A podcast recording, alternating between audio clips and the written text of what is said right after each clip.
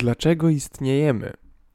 Jeżeli nikt z Was, albo jeżeli Ty, słuchaczu, teraz nie zadawałeś sobie nigdy tego pytania, nie zadawałaś sobie nigdy tego pytania, to co z tobą kurwa jest nie tak?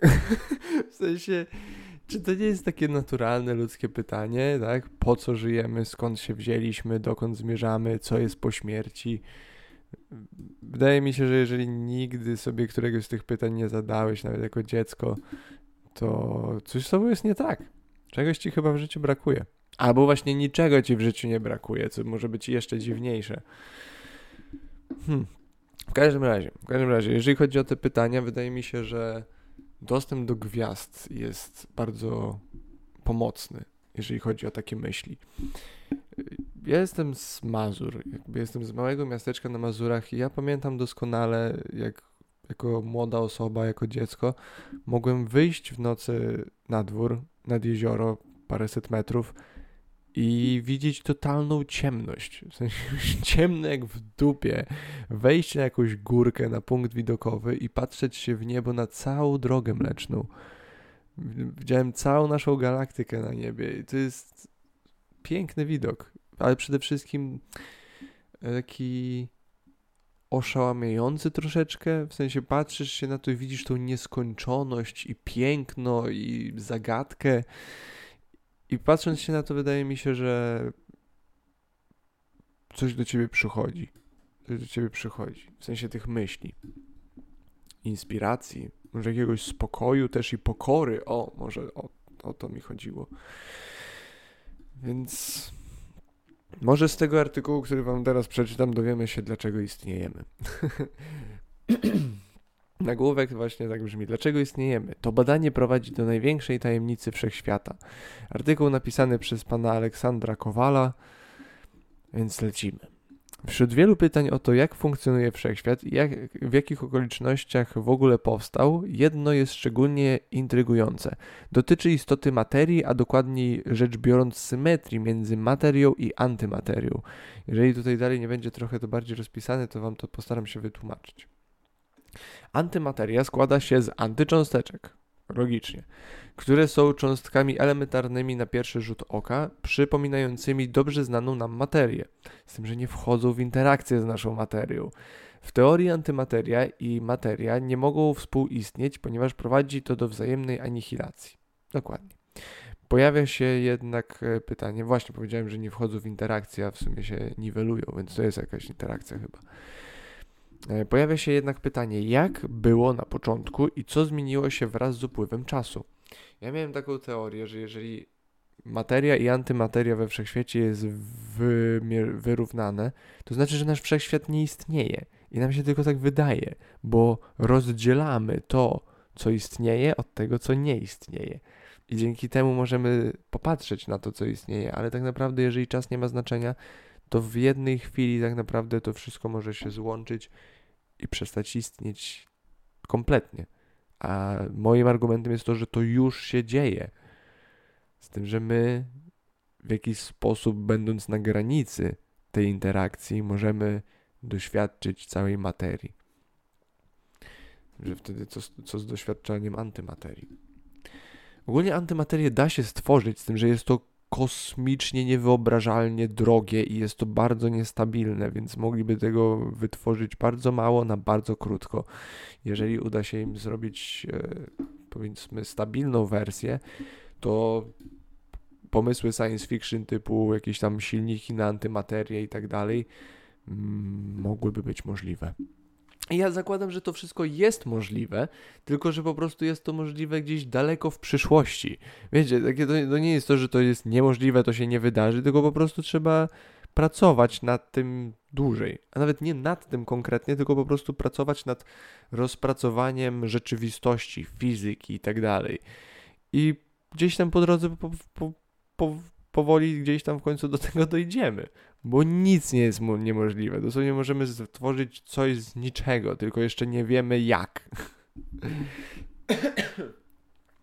Wyobraźmy sobie, że we wszechświecie występuje idealna symetria między materią i antymaterią. W takich okolicznościach w ogóle byśmy nie powstali, ponieważ wzajemnie by się one zwalczały. E, oznacza to, iż musi panować asymetria, a skoro materia jest wręcz wszechobecna, to sensownym będzie stwierdzenie, że, nie, że jest jej znacznie więcej od antymaterii. To by było sensowne. Ja pamiętam, jak się na początku uczyłem fizyki, e, jeszcze tam lata, lata temu, to chyba nie było pewności odnośnie tego, czy właśnie taka dysproporcja w ogóle istnieje. To znaczy, co było właśnie trochę alogiczne, nielogiczne, ponieważ jeżeli by ta równowaga była perfekcyjna, to właśnie nic nie mogłoby istnieć, więc musi być więcej materii od antymaterii, żebyśmy mogli czegokolwiek doświadczyć. Wiem, że to się trochę skontruje z tym, co powiedziałem przedtem, ale po prostu Wam przywołuję pomysły, które miałem ucząc się tego. E, z kolei prowadzi, e, to z kolei prowadzi, czyli powiedzmy to, że materii jest więcej od antymaterii, prowadzi do wielkiej zagwozdki. Skąd się wzięła ta antymateria? Do rozwiązania tej zagadki mogą doprowadzić badania prowadzone przez naukowców z NIST, National Institute of Standards and Technology e, oraz Uniwersytetu w Colorado w Boulder. w Boulder, dobra, nieważne, z tym miastem jest śmieszna historia. Ale no dobra, opowiem wam ją. Jest taki komik, Joey Diaz. Joey Diaz to jest jedna z najśmieszniejszych osób na tej planecie.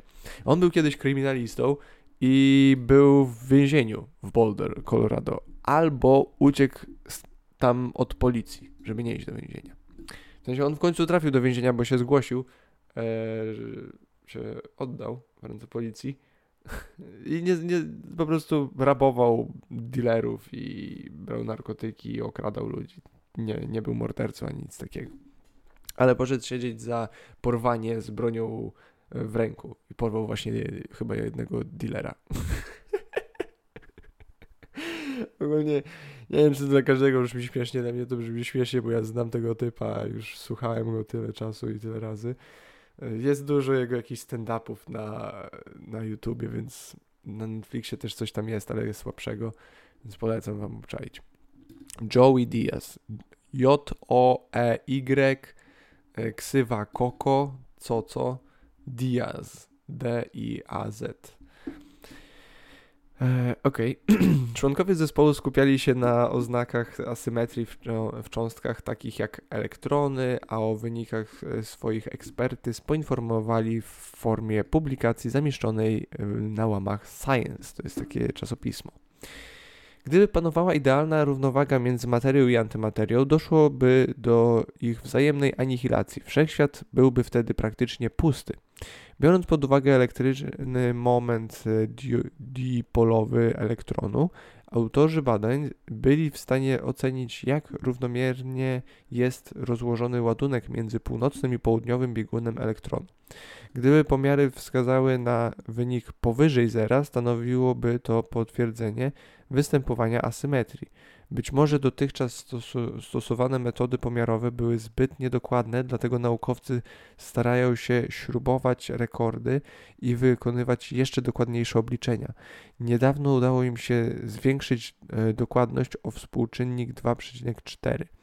Obecna precyzja jest naprawdę e, godna pozazdroszczenia.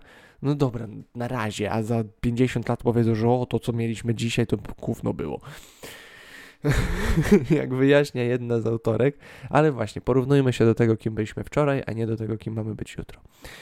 E, Tania Rosie, gdyby elektron miał rozmiary całej naszej planety, to asymetria musiała być mniejsza od promienia atomu, aby nie dało się jej wykryć.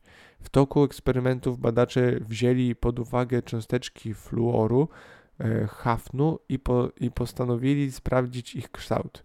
Z użyciem lasera usunęli elektrony z cząsteczek i wzięli do, dodatnio uwięzili, przepraszam, dodatnio naładowane jony. Biorąc pod uwagę to, czy cząsteczki zrówn e, zrównywały się z polem elektrycznym, czy też nie, można było ocenić, czy ich kształt jest okrągły. Kolejny etap badania polegał na pomiarach poziomów energetycznych. Gdyby wystąpiły różnice, stanowiłoby to dowód na występowanie asymetrii. Tak się jednak nie stało, właśnie. A, e, a rzeczone podejście cechowało się nawet wyższą od poprzedniej czułością. W tym przypadku końcowy rezultat i tak był identyczny. Innymi słowy, nic nie wskazuje na to, by elektrony nie były okrągłe. I nawet jeśli nie udało się zebrać dowodów na występowanie asymetrii, to na uwagę zasługuje sam fakt zaprojektowania tak zaawansowanej metody pomiarów. Okay, super, że dos doskonalicie metody pomiarów. Ale co jeżeli nawet z perfekcyjnym narzędziem pomiarowym okaże się, że ta asymetria nie istnieje? Jeżeli ta asymetria nie istnieje, to by oznaczało też, że cała materia w naszym wszechświecie również nie istnieje. Co oznaczałoby, że teoria symulacji jest coraz to bardziej prawdopodobna. Bo wiecie, jak gracie w Simsy, to czy ten czy to osiedle, które zbudujecie, czy ten świat, w którym żyjecie swoją rodzinką, czy on istnieje? Jeżeli istnieje, to w którym momencie? Czy istnieje jak włączacie grę? Czy istnieje cały czas, kiedy program gry komputerowej jest tworzony? Czy istnieje. E, czy w ogóle nie istnieje? Czy to jest sztuczne? Czy to jest tylko wyimaginowane? Czy to jest tylko przejściowe? Według naszej woli, powiedzmy. I wracając do możliwości teorii symulacji, jeżeli my też żyjemy w jakiegoś rodzaju symulacji, to znowu, po co? po co jest ta symulacja? Czy ktoś właśnie po prostu się bawi i gra? Czy ktoś robi jakiś eksperyment? Czy ktoś chciał się czegoś nauczyć? Po to się robi eksperymenty w sumie. Albo żeby coś sprawdzić. Hmm. Fajnie, dajcie mi, dajcie mi znać, jak myślicie, jeżeli żyjemy w symulacji, jeżeli żyjemy w stworzonej symulacji, to po co ta symulacja mogłaby być zrobiona? Ja bym zakładał, że to jest właśnie po prostu jakiś rodzaj eksperyment albo test. Test, czy taki rodzaj świadomości się uda? Czy znajdzie się jakiś nowy sposób na życie? Czy powstanie jakiś nowy archetyp? Hmm.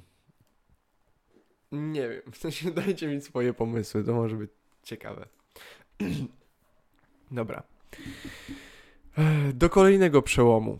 Mamy przełom! Wynaleziono sposób na produkcję paliw... Wow, sorki. Paliwa do reaktorów fuzyjnych. Reaktory fuzyjne to jest dla mnie bardzo ciekawy i bliski temat. Może nie bliski, ale bardzo ciekawy ponieważ teraz najlepszym źródłem energii, jaki mamy, są reaktory jądrowe. I ktoś by mi powiedział, że o Piotrek, tam Czarnobyl i straszne, że pojebało cię, jakie reaktory jądrowe. Shut the fuck up! Ogólnie, jeżeli chodzi o niebezpieczeństwo reaktorów jądrowych, po tym jak się trochę doedukowałem, to oczywiście katastrofa w takim reaktorze jest koszmarna. Ale Technologia i bezpieczeństwo tych reaktorów w porównaniu z e, jeszcze tymi sprzed paru dziesięciu lat, parunastu, jest zmieniona jak niebo i ziemia. Jest odmieniona, jest dużo lepsza. Yy, też ilość odpadów, jakie człowiek produkuje przez całe swoje życie, wykorzystując energię, jaką wykorzystuje, jest mniej więcej zamieszczone w puszce Pepsi. Więc każdy z nas mógłby być pochowany ze swoim, yy, powiedzmy, odpadem radioaktywnym. Tylko właśnie na ile lat by to się zdało? W sensie, czy to jest do podtrzymania przez kolejne tysiąc lat? Nie wiem. Ale reaktory fuzyjne mogłyby być na to rozwiązaniem. Reaktor fuzyjny zamiast roz, e, tworzyć energię z rozpadu, tworzy energię z e, łączenia cząsteczek, z fuzji tych cząsteczek I to, jak się to robi, jest szalonym, szalone ogólnie. Jak oglądaliście drugą część klasycznego Spidermana, to tam doktor e, Octo, Octopus? Nie, doktor Octavius. Octavius chciał e, stworzyć energię słońca właśnie w swoim laboratorium.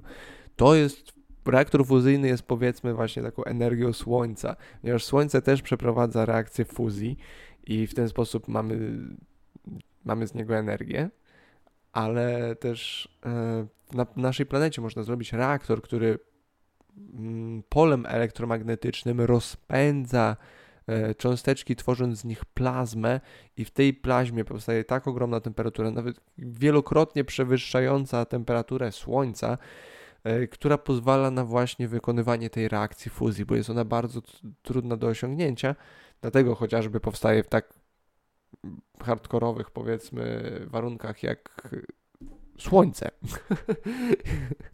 jak po prostu słońce.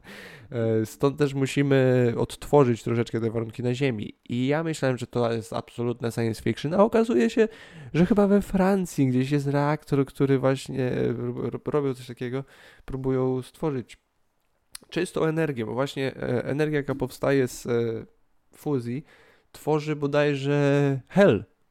A hel jest bardzo przydatny. E, czy tam azot? Nie, azot się chyba miesza, albo hel się miesza i się tworzy azot. Nieważne, musicie sprawdzić. Na jakimś innym podcaście o tym mówiłem, teraz dokładnie nie, nie pamiętam. W każdym razie powstaje e, pierwiastek, który jest bardzo przydatny i można go użyć ponownie. Więc that's fucking cool. Okej, okej, okej. Okay. Przejdźmy do rzeczywistego artykułu. Ten artykuł został napisany przez pana Radka Kosarzyckiego. E, pomyślałem sobie, że jak już czytam te artykuły, to przydałoby się przeczytać też, kto to napisał. Kontrolowana fuzja jądrowa to technologia przyszłości, która może całkowicie zrewolucjonizować nie tylko rynek energetyczny, ale także jakość życia naszej, na naszej planecie. Tak, energia mogłaby być tańsza i bardziej dostępna i czysta i nie byłoby problemu z, wiecie, dwutlenkiem węgla i uhu. Jeżeli naukowcom uda się w sposób ciągły kontrolować proces fuzji, uzyskamy zasadniczo niewyczerpalne źródło energii elektrycznej, zdolne do zaspokojenia potrzeb wszystkich ludzi na powierzchni planety. Otóż to. E, z tego zresztą powodu, choć wiele, przez wiele dekad wydawało się, że to całkowicie niemożliwe, zespoły naukowców na tym całym świecie próbują dokonać niedo, e, niedokonalnego i stworzyć stabilny reaktor fuzyjny. E, dokładnie, bo bardzo długi czas w ogóle ludzie wiedzieli, jak, że jest coś takiego jak fuzja, ale nie mieli bladego pojęcia, jak w ogóle się za to zabrać, jak stworzyć taki proces. Ale jak widać, wszystko jest możliwe. E, dzięki, e, dzięki nim e, co i róż słyszymy o fizykach, którym udało się utrzymać plazmę w reaktorze, plazmę, plazmę w reaktorze, plazmę przez coraz dłuższy czas. Tak, właśnie te rekordy czasowe, tak, no bo jak powiedziałem, to są tem temperatury przewyższające temperaturę Słońca wielokrotnie, więc jeżeli im się nawet uda podtrzymać coś takiego przez półtorej minuty, 5 minut, 17 minut, pół godziny, to są już ogromne sukcesy. Ogromne sukcesy. Z tym, że nadal musimy dojść do momentu, w którym ilość dostarczonej energii do tego reaktora, żeby go uruchomić, będzie mniejsza niż energię, którą można z niego otrzymać przez właśnie podtrzymaną stałą reakcję fuzyjną. Teraz naukowcy z Uniwersytetu Rochester w Stanach Zjednoczonych zrobili istotny krok w kierunku stworzenia stabilnego reaktora fuzyjnego. nie, e, nie, tym razem nie chodzi o utrzymanie plazmy w określonych warunkach przez kolejną sekundę dłużej. Nowe odkrycie dotyczy zupełnie innego aspektu całej technologii. Fizykom udało się mianowicie opracować technologię znacząco upraszczającą tworzenie granulek paliwa dla reaktora. E, bez takich granulek reaktor nie jest w stanie pracować w stanie ciągłym i produkować energii w procesie fuzy, fuzji jądrowej. Problem w tym, e, że do, dotychczas stworzenie i utrzymanie takich granulek w odpowiednich warunkach było niezwykle trudne. Warto tutaj przypomnieć, że w ostatnich latach badacze dokonywali zna, znaczne, znaczącego postępu. E, po wielu testach różnych technologii pod koniec 2022 roku naukowcy przeprowadzili nawet pierwszą reakcję zapłonu, e, wykorzystując do tego 192 lasery o wysokiej energii. E, problem jednak w tym, że nawet jeżeli udaje się doprowadzić do fuzji jądrowej, to kolejnym wyzwaniem jest skalowanie tego procesu i produkcja dużych ilości całkowicie czystej energii. Niestety wydaje się, że stworzenie prawdziwego reaktora komercyjnego, który będzie produkował stale duże ilości energii, to wciąż wyzwanie znajdujące się poza naszym zasięgiem. Ja wierzę, że się za mojego do, życia doczekam. E, z, e, jednym z problemów stojących na drodze e, przedsiębiorstw energetycznych chcących zainwestować w, te techno, w tę technologię, technologią pewnie miało być, jest problem produkcji odpowiedniej ilości paliwa do reaktora. Dotychczas inżynierowie zmuszeni byli do zamrażania deuteru i trytu, izotopów wodoru w stałej kulistej powłoce. Problem w tym, że oba izotopy występują naturalnie w stanie gazowym. Aby zatem je zestalić, koniecznie jest, konieczne jest utrzymywanie ich w bardzo niskich temperaturach. Kiedy trzeba z takiej kulki skorzystać, kieruje się je w jej stronę wiązki laserowe, które ekstremalnie zwiększają temperaturę i ciśnienie, a następnie doprowadzają do kolapsu takiej kulki, zapłonu i w końcu fuzji to właśnie w tym ostatnim etapie uwalnia się olbrzymia ilość energii. Gdzie tu problem? właśnie, aby pracować w trybie pracy stałej reaktora, reaktor trzeba e, byłoby zasilać milionami takich kulek dziennie. Ich produkcja i utrzymanie e, przed wykorzystaniem w reaktorze byłyby na tyle drogie, że całe przedsięwzięcie w żaden sposób by się nie opłacało. Właśnie to, co powiedziałem, za drogo, żeby to podtrzymać. E, nowa metoda produkcji paliwa do reaktorów. Naukowcy Laboratorium Energii Laserowej LLI na Uniwersytecie w, Roche w Ro Rochester e, przedstawili właśnie własne podejście do problemu produkcji paliwa reaktorów. Pierwsze testy wskazują, że e, teoretycznie możliwe jest produkowanie granulek w sposób zdecydowanie tańszy. Ok, jaki? Sama koncepcja została już opisana teoretycznie w 2020 roku, jednak jak dotąd nigdy jej nie przetestowano laboratoryjnie. Zasada jej działania sprowadza się do dynamicznego tworzenia granulek poprzez wpuszczenie kropli deuteru i trytu do piankowej kapsułki, następnie na taką kapsułkę kierowane są lasery, dzięki czemu zmienia się ona w sferyczną granulkę, po czym zapada się, co prowadzi do zapłonu. O, za, zaletą tej metody jest brak konieczności utrzymywania granulek izotopów wodoru w warunkach kriogenicznych, czyli już całe to chłodzenie, koszty na to odpadają. Ta pozornie niewielka różnica drastycznie redukuje koszty i upraszcza cały proces produkcji. Metodę przetestowano w laboratorium LLI wykorzystując do tego laser omega. Oczywiście w trakcie testów nie stosowano ciekłego deuteru i trytu, a jedynie pianki z tworzywa sztucznego o zbliżonej do nich gęstości to e, do właściwej produkcji paliwa niezbędne byłyby lasery bardziej wy, wysokoenergetyczne. Nie zmienia to jednak faktu, że naukowcom udało się potwierdzić zdolność do aktywnego tworzenia powłoki. To oznacza, że jesteśmy o krok bliżej od do masowej i taniej produkcji energii w procesie fuzji inercyjnej. Ok, z tego wszystkiego jakby cała ta nauka, nowe technologie, kapsułki, lasery, kurwa, to wszystko super. Jakby to wszystko może dla kogoś nie być inspirujące, ciekawe i tak dalej, ale to wszystko dla mnie jest dowodem na to, że się da. W sensie dosłownie wszystko się da. Tylko trzeba dużo nad tym pracować. Ludzie tutaj, no, no niemożliwym jest zrobić fuzję na Ziemi, niemożliwym jest, ale ludzie od dziesiątek lat pracują i są z roku na rok coraz bliżej do zrobienie niemożliwego.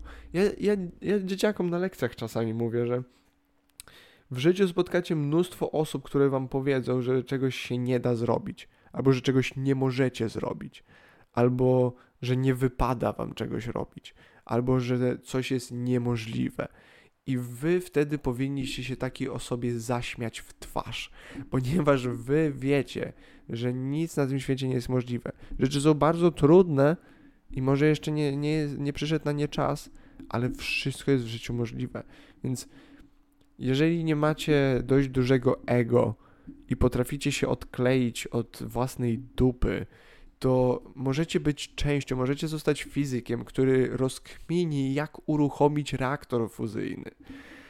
Tak? Jak stworzyć energię słońca na Ziemi, albo jak zrobić cokolwiek, co sobie w życiu wymarzycie, tylko musicie marzyć, musicie mieć ambicje, żeby chcieć coś zmienić, chcieć, chcieć coś osiągnąć i chcieć coś zrobić. Bo jeżeli nawet wam się nie będzie chciało, jeżeli będziecie tylko tkwić w myśli, że to niemożliwe, to nic się nie zmieni, nic się nie stanie, będzie dalej tak, jak jest. Wydaje mi się, że jakaś taka piosenka była. Okej, okay, teraz e, do National Geographic. Mateusz Łysiak napisał 3 grudnia 2021 roku. Ja już kiedyś czytałem ten artykuł, ale mi się znowu pojawił, więc chciałem wam o tym powiedzieć, bo to jest kurwa całkiem niesamowite. I trochę szalone, i ciupka przerażające. Pierwsze żywe roboty potrafią się rozmnażać. Stworzyliśmy biotechnologię robotów, które potrafią się rozmnażać. Z najnowszych badań wynika, że żywe roboty potrafią rozmnażać się w sposób zupełnie inny niż, niż jakakolwiek roślina lub zwierzę znane w nauce. W 2020 roku naukowcy ogłosili, że udało im się stworzyć pierwsze na świecie żywe roboty komórek, e, z komórek macierzystych, żab, e, szponiastych, które można zaprogramować do wykonywania określonych zadań. Biomaszyny potrafią m.in. przynosić mikroskopijne obiekty, e, wirować wokół e, szalek Petriego, a nawet same się leczyć. Jak się okazało, ksenoboty, ksenioboty, ksenia, ksenoboty mogą również się rozmnażać. Chcę zobaczyć, co to są wokół szalek Petriego, szalki Petriego, co to jest. Szalka Petriego. Szalka Petriego, płytka. Aha, naczynie laboratoryjne w, e, w kształcie okrągłej podstawki o szerokim, płaskim dnie i niskich ściankach bocznych. E, wykonywane ze szkła lub przezroczystych tworzyw. Ok, no to w takim naczynku sobie się kręciły. Super. e, właśnie, co do, e, co do żywych robotów są, e, tak jakby widziałem podcast u Rogana, była taka pani z e, jakichś tam służb spe specjalnych, tajnych w Stanach, która powiedziała, znaczy nie służba, z jakiegoś laboratorium, że stworzyli chipy, które wsadzili w ptaki, w szczury, w żaby i potrafili nimi sterować. Jakby ogarnęli, jak za pomocą tego chipu ciele zwierzęcia sterować wszystkimi jego funkcjami i czynami.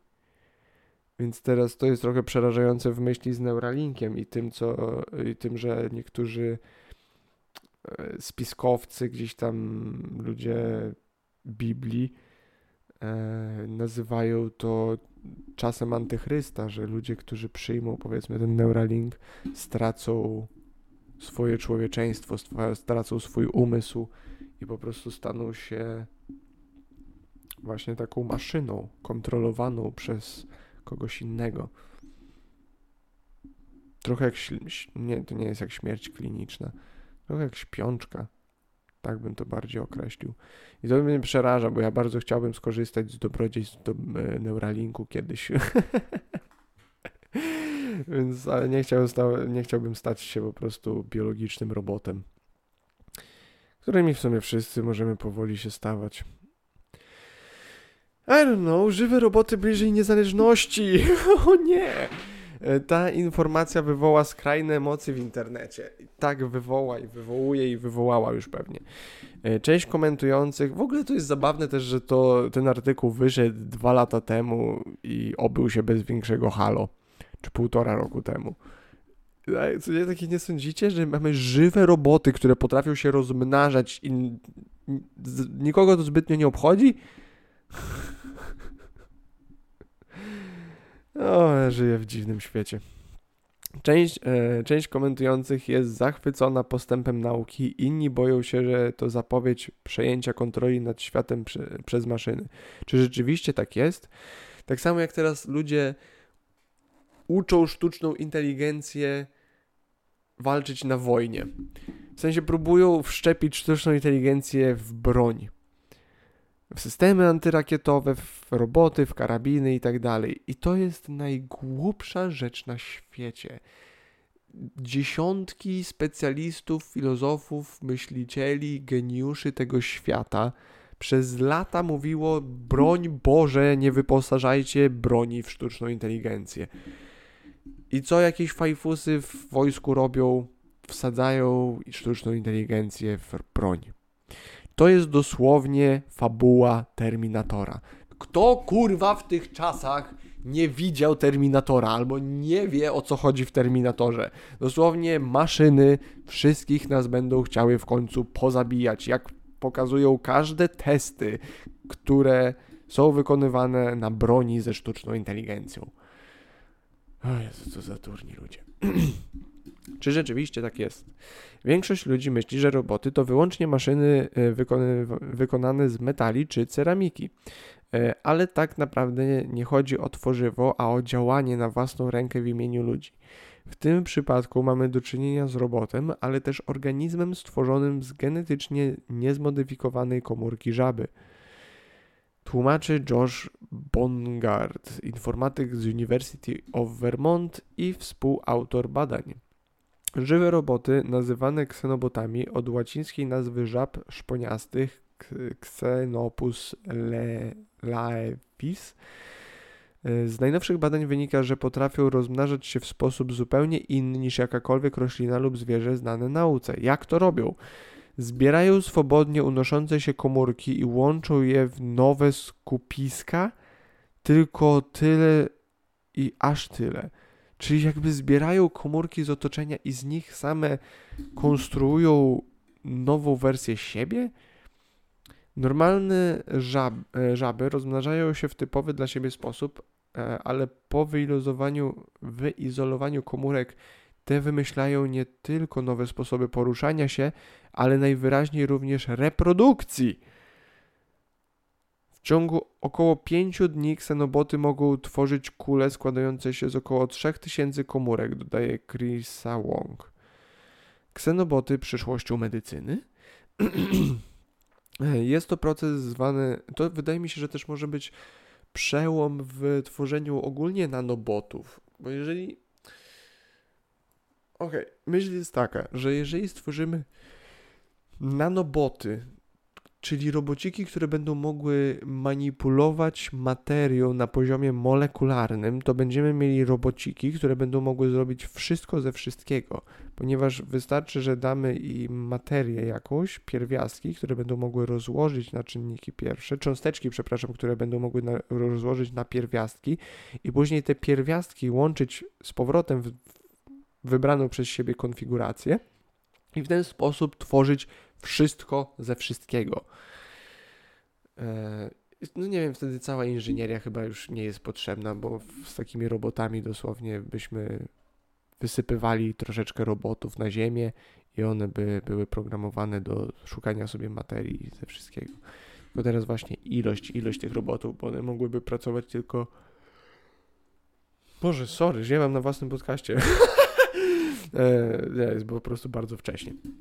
E, więc one by pracowały z jakąś określoną prędkością, więc pytanie, czy by musiały się właśnie najpierw siebie rozmnożyć, żeby było ich więcej, żeby szybciej mogły stworzyć dany projekt, czy tworzyć dany projekt wolniej, ale nie rozmnażając się przy tym. Jeżeli też rozmnożymy ich dość dużo, to nie będzie dość dużo materiału, z którego będą mogły robić rzeczy, bo one zajmą ten materiał. I to może na naszej planecie nie jest duży problem, ale jakbyśmy wysyłali takie nanoboty na asteroidę, i tak, i z tej asteroidy miałaby zebrać różne pierwiastki, jak na przykład wy, wydziubać tylko złoto i z tego złota zrobić sztabę i wysłać ją z powrotem na Ziemię. No to mogłyby być już trudniejsze. E, ok, ksenoboty przyszłością medycyny. Jest to proces nazwany samoreplikacją kinematyczną. Mm, do tej pory obserwowany tylko w cząsteczkach, a nie w organizmach. E, autorzy badań podkreślają jednak, że istnieje limit liczby żywych robotów, które można stworzyć. Jedno pokolenie rozmnaża się raz, dzieci są za małe i za słabe, żeby stworzyć wnuki.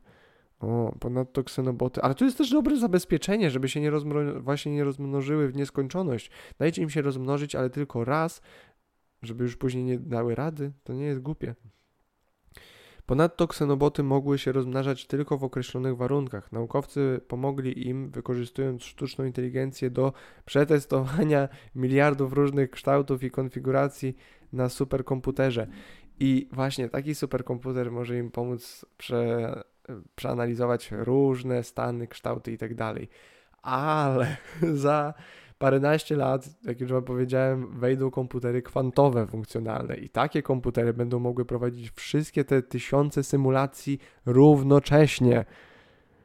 Więc czas, jakiego będą potrzebowały, spadnie nie wiem ilokrotnie, ale prawdopodobnie tysiąc, tysiącekrotnie. Tak samo jak, wiecie, jak kiedyś ktoś liczył na papierze. Może tak sobie wyobraźmy, jak bardzo przyspieszy nam to pracę. W sensie taki komputer kwantowy. Kiedyś ludzie liczyli na kartkach i na kalkulatorach. I to zajmowało kupę czasu. Weszły komputery i Excel i można było tak szybko dużo rzeczy policzyć. Teraz możemy tak szybko dużo rzeczy policzyć. Mamy tu super potężne komputery, które liczą porąbane rzeczy dla nas. A teraz weźmy komputery kwantowe i znowu poczujmy różnicę z liczenia na kartce papieru z kalkulatorem do liczenia w Excelu. Będziemy mieli podobną różnicę z komputerami kwantowymi. Tak? Teraz wkurwiania się, że czekamy na wynik półtorej sekundy, będziemy mogli obliczać tajemnice wszechświata.